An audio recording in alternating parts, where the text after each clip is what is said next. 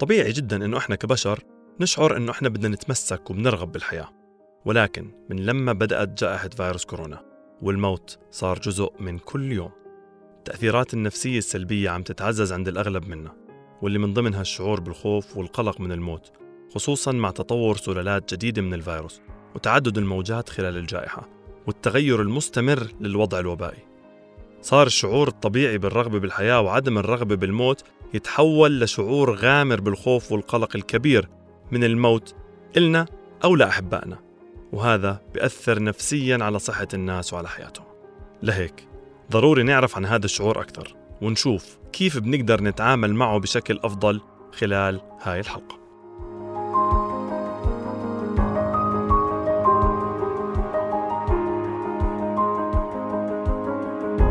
خلينا بالأول نسمع شوي من بعض الأشخاص عن تجربتهم مع هذا الشعور خلال الجائحة. هل شعرتوا بالخوف أو القلق من الموت بسبب الوباء؟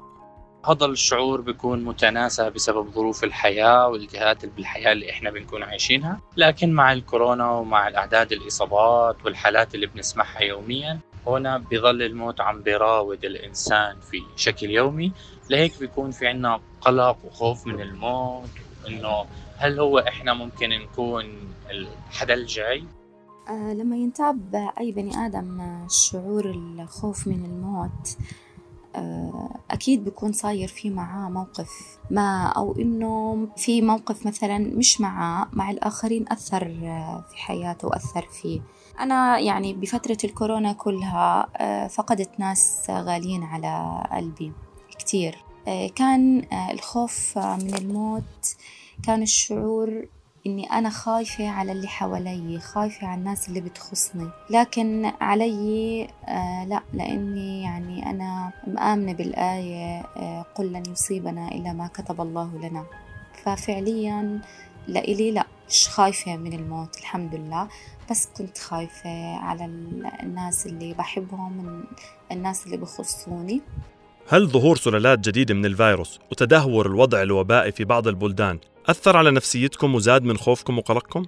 كان لازم نتغلب أو إحنا لازم نشتغل على أنفسنا نقوي أنفسنا داخليا وإيمانيا على أساس إحنا نقدر نتغلب من عن هذا الشعور وما ننسى إنه إحنا لازم نحاول نغير أنفسنا كمان بال نحمي أنفسنا من هذا المرض اللي هو ممكن يهدد حياتنا ممكن يودينا للموت بارتداء الكمامة بأخذ التباعد الاجتماعي بأخذ المطاعيم. وهذا الإشي دائما لازم نهتم فيه أكثر لنقدر نحارب ونقلل من القلق والتوتر اللي إحنا مرينا فيه واللي إحنا عم بنشوفه وعم براودنا يوميا بسبب الأرقام اللي عم نسمعها. هلأ لما بلشت تطلع سلالات جديدة للكورونا وصرنا نسمع بالبلد هذه صارت إنه ازدادت الأعداد وبالبلد هذه رجع موضوع التسكير وأحيانا الحظر. ما أثر على نفسيتي. كونه إحنا صرنا ما بعرف. أنا بصراحة بالأردن هون صرت حاسة إنه إحنا تأقلمنا على موضوع إنه كل فترة يكون في حظر كل فترة يكون في تسكير. كيف تعاملتوا مع الشعور بالقلق والخوف من الموت وكيف تأقلمتوا معه؟ أنا ما تأقلمت بفكرة الموت. لحد الآن أنا مش متأقلمة. لأنه لحد الآن مش مستوعبة إنه أنا فقدت ناس غاليين على قلبي. صعب يعني إنه الواحد يتأقلم على إشي ما توقعه بحياته نهائيا. صعب صعب جدا جدا. ففعليا زادت الاحتياطات.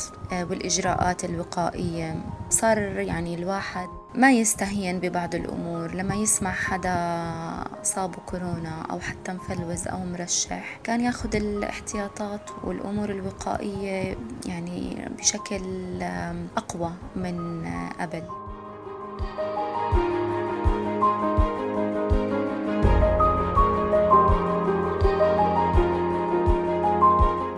طبيعتنا كبشر بتخلينا نخاف من فكرة الموت وما نرغب فيها وبالمقابل نتمسك بالحياة والعيش لعمر طويل. وهاي الطبيعة يمكن تكون تأثرت عند البعض مع ظهور الوباء وزادت كثير لدرجة خوف كبير من الموت ومن السلالات الجديدة.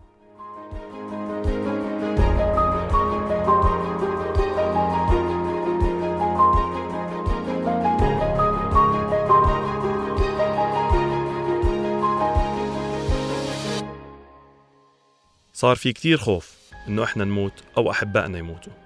وبالتالي الأثر صار سلبي بشكل كبير على الصحة النفسية وعلى جودة الحياة عند عدد لا بأس به من الناس. فصارت الحياة ضيقة عليهم وممكن صاروا يتصرفوا تصرفات هوسية أو فيها مبالغة بس ليحافظوا على حياتهم وحياة اللي بيحبوهم.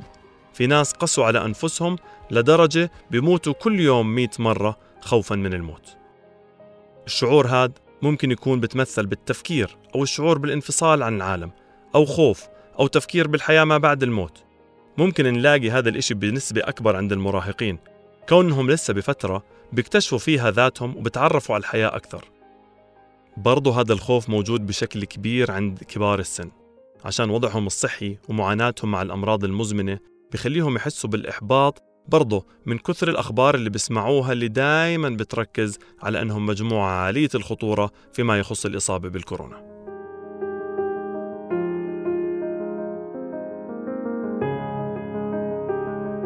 بشكل عام الناس بيستخدموا نوعين من آليات الدفاع لمواجهة الموت. النوع الأول يسمى الدفاع القريب وبيتميز بقمع الأفكار. مثلا بصير الشخص يسكر التلفزيون بس يجي تقرير إخباري بيحكي عن عدد وفيات الفيروس مثلا بروح بسكر التلفزيون. ممكن يتميز هذا النوع بإنكار ضعف الشخص نفسه. فبصير يفكر إنه هو مثلا مش معرض لخطورة وإنه الفيروس مش رح يأثر عليه وهو بس بيأثر على الناس البعاد عنه وإنه هو شخص قوي وإنه هو صحته تمام وأموره كلها بخير. ممكن يكون برضه عن طريق إنه يحاول يمنع الموت. بصير مثلا يهتم كثير بالتعقيم والتنظيف والتباعد ويتوسوس ويحمي حاله لأعلى درجة.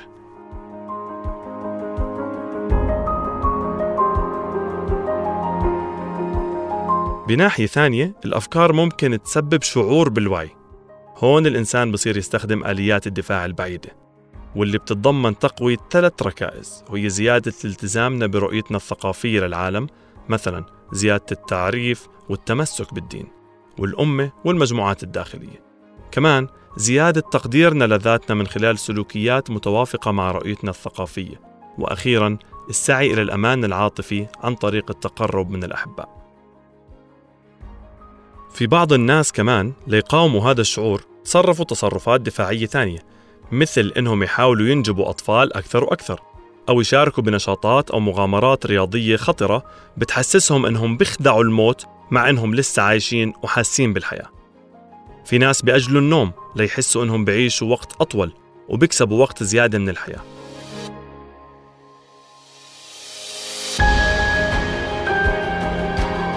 بعض الناس ممكن ينهوسوا بإشي معين زي شخص أو قضية مع استبعاد أي إشي تاني غيرها. أو يبحثوا عن شريك حياة عمره صغير يحسسهم بالشباب والحيوية. وغيرها كثير من التصرفات اللي ممكن نلاحظها على الأشخاص اللي بيعانوا من الخوف من الموت بشكل عام. بدنا نأكد على أنه من الطبيعي الشخص يشعر بشوية خوف من الموت خصوصا بهاي الظروف الصعبة.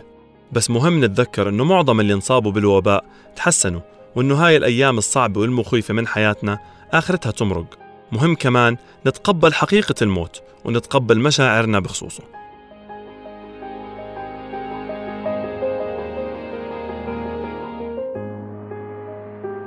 كثير في أمور ممكن نعملها لنحسن من الطريقة اللي بنتعامل فيها مع الخوف من الموت والسلالات الجديدة من الوباء. مثلا تقليل التعرض للأخبار المتعلقة بالوباء خصوصا الأخبار المقلقة سواء في التلفزيون أو مواقع التواصل الاجتماعي. يعني ممكن نخصص أوقات محددة نحضر فيها أخبار التلفزيون ونخصص قنوات إخبارية معينة نتابعها لحسب شو بنرتاح بالضبط.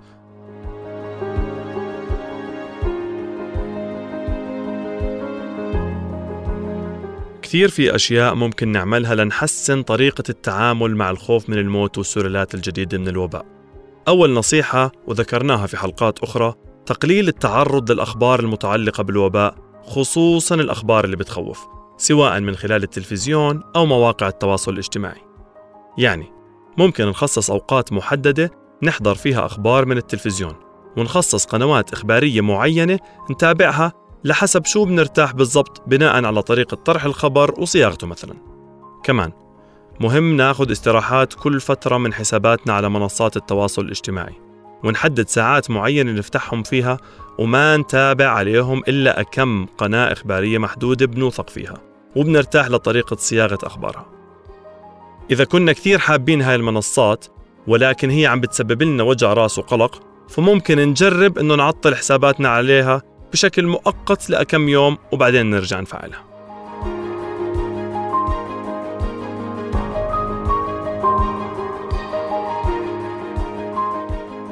ممكن نعبر عن مشاعرنا ومخاوفنا للقريبين منا لأنه إذا بنحكيهم بصوت عالي وكمان إذا كتبناهم هذا إشي بيحسن من النفسية.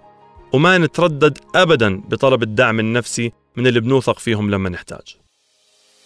مهم نخصص وقت لأنفسنا لنعمل النشاطات اللي بنحبها وبتخلينا نكون إيجابيين ولحتى نسترخي. ممكن مثلا نتنفس بشكل عميق أو نقرأ كتاب أو ناخذ حمام دافي أو نحضر فيلم ممتع أو نلعب لعبة معينة أو نقعد بالبلكونة أو الحديقة. ممكن نشرب كاسة شاي أو غيرها من أي الأمور اللي بتساعدنا نريح أعصابنا.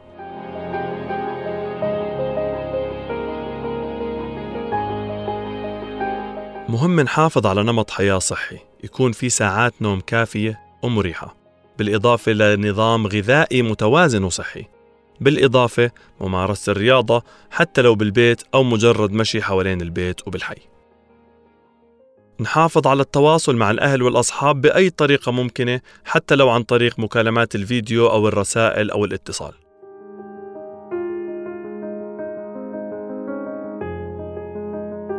الالتزام بالسلوكيات الوقائية من الوباء زي التباعد الاجتماعي وتخفيف الطلعات غير الضرورية من البيت.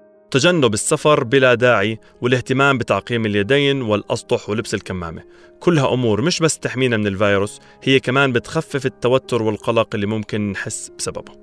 كثير مهم نوازن ما بين الخوف من الموت وما بين الحماية من الموت لأنه برضه مهم نحمي حالنا من الخوف من الموت لأنه مرات بيكون أشد وأصعب من الموت نفسه.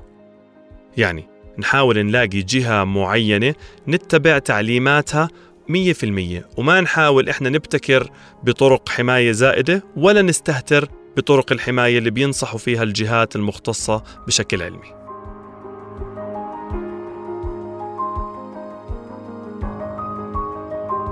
الاهتمام بالروحانيات أو العبادات الدينية وفهم نظرة اعتقادك أو دينك للموت والحياة ما بعد الموت ومبدأ القضاء والقدر هذا كله كمان قادر على تخفيف الشعور بالخوف وزيادة الراحة النفسية والسلام الداخلي والشعور بالتسليم.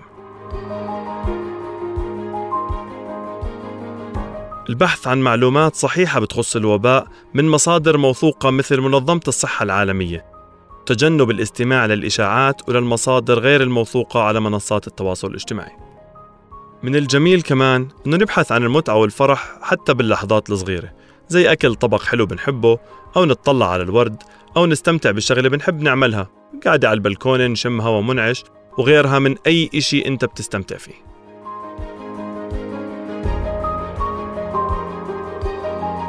مهم كثير نلتزم بإشي أو مشروع يعطي معنى لحياتنا. عمل فني مجموعة أصدقاء قراءة كتب أو مجموعة مجتمعية مهتمة بقضية ما وكمان ضروري نراجع أهداف حياتنا ونحاول بالشغلات اللي كان نفسنا نحققها ونحاول نشتغل عليها عشان نحققها.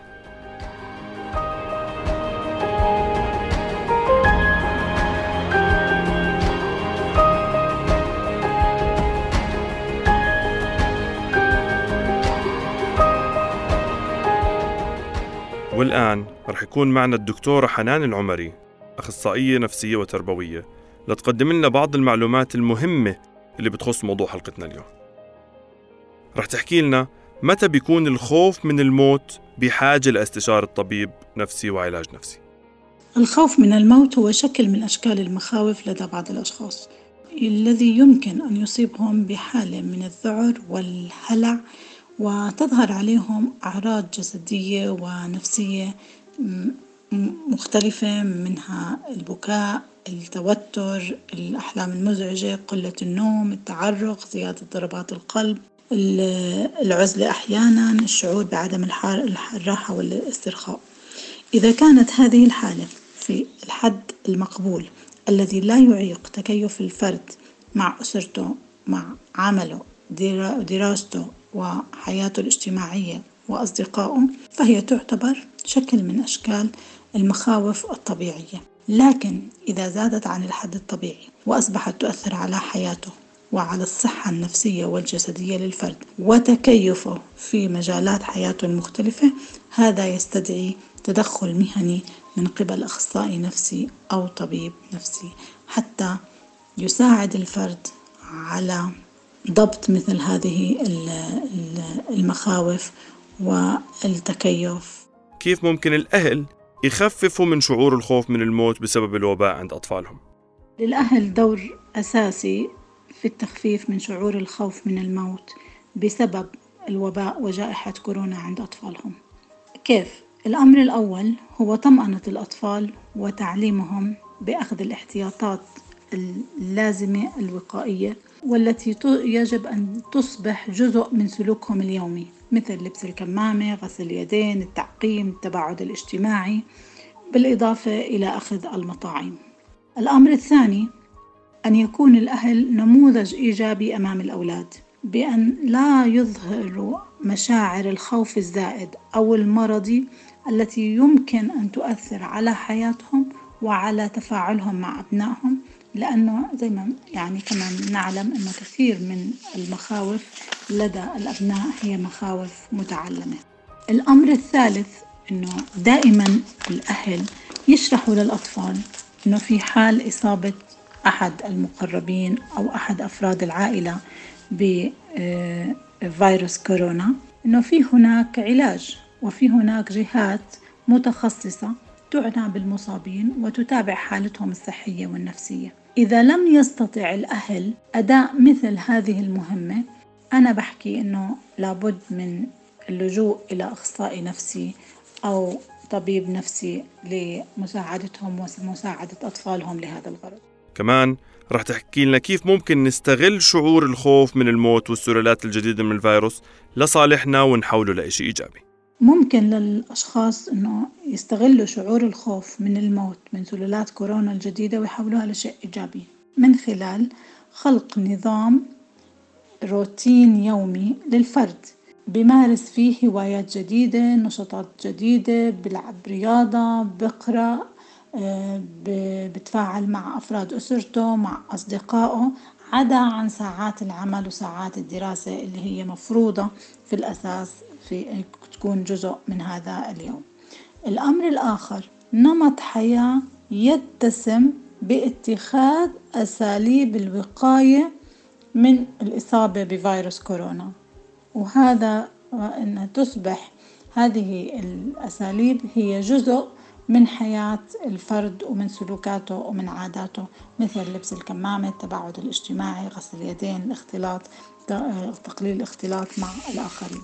والأمر الآخر أنه يحاول قدر الإمكان أن تكون مصادر أن مصادر المعلومات غير مشتتة بالنسبة له فبالتالي يكون في مصدر واحد يستقي منها المعلومات حول آه، آه، تطورات فيروس كورونا حول طرق الإصابة حول الوقاية حول المطاعم حتى ما يكون في هناك تشتت لدى الفرد بشكل عام في بأخذ المعلومات اللازمة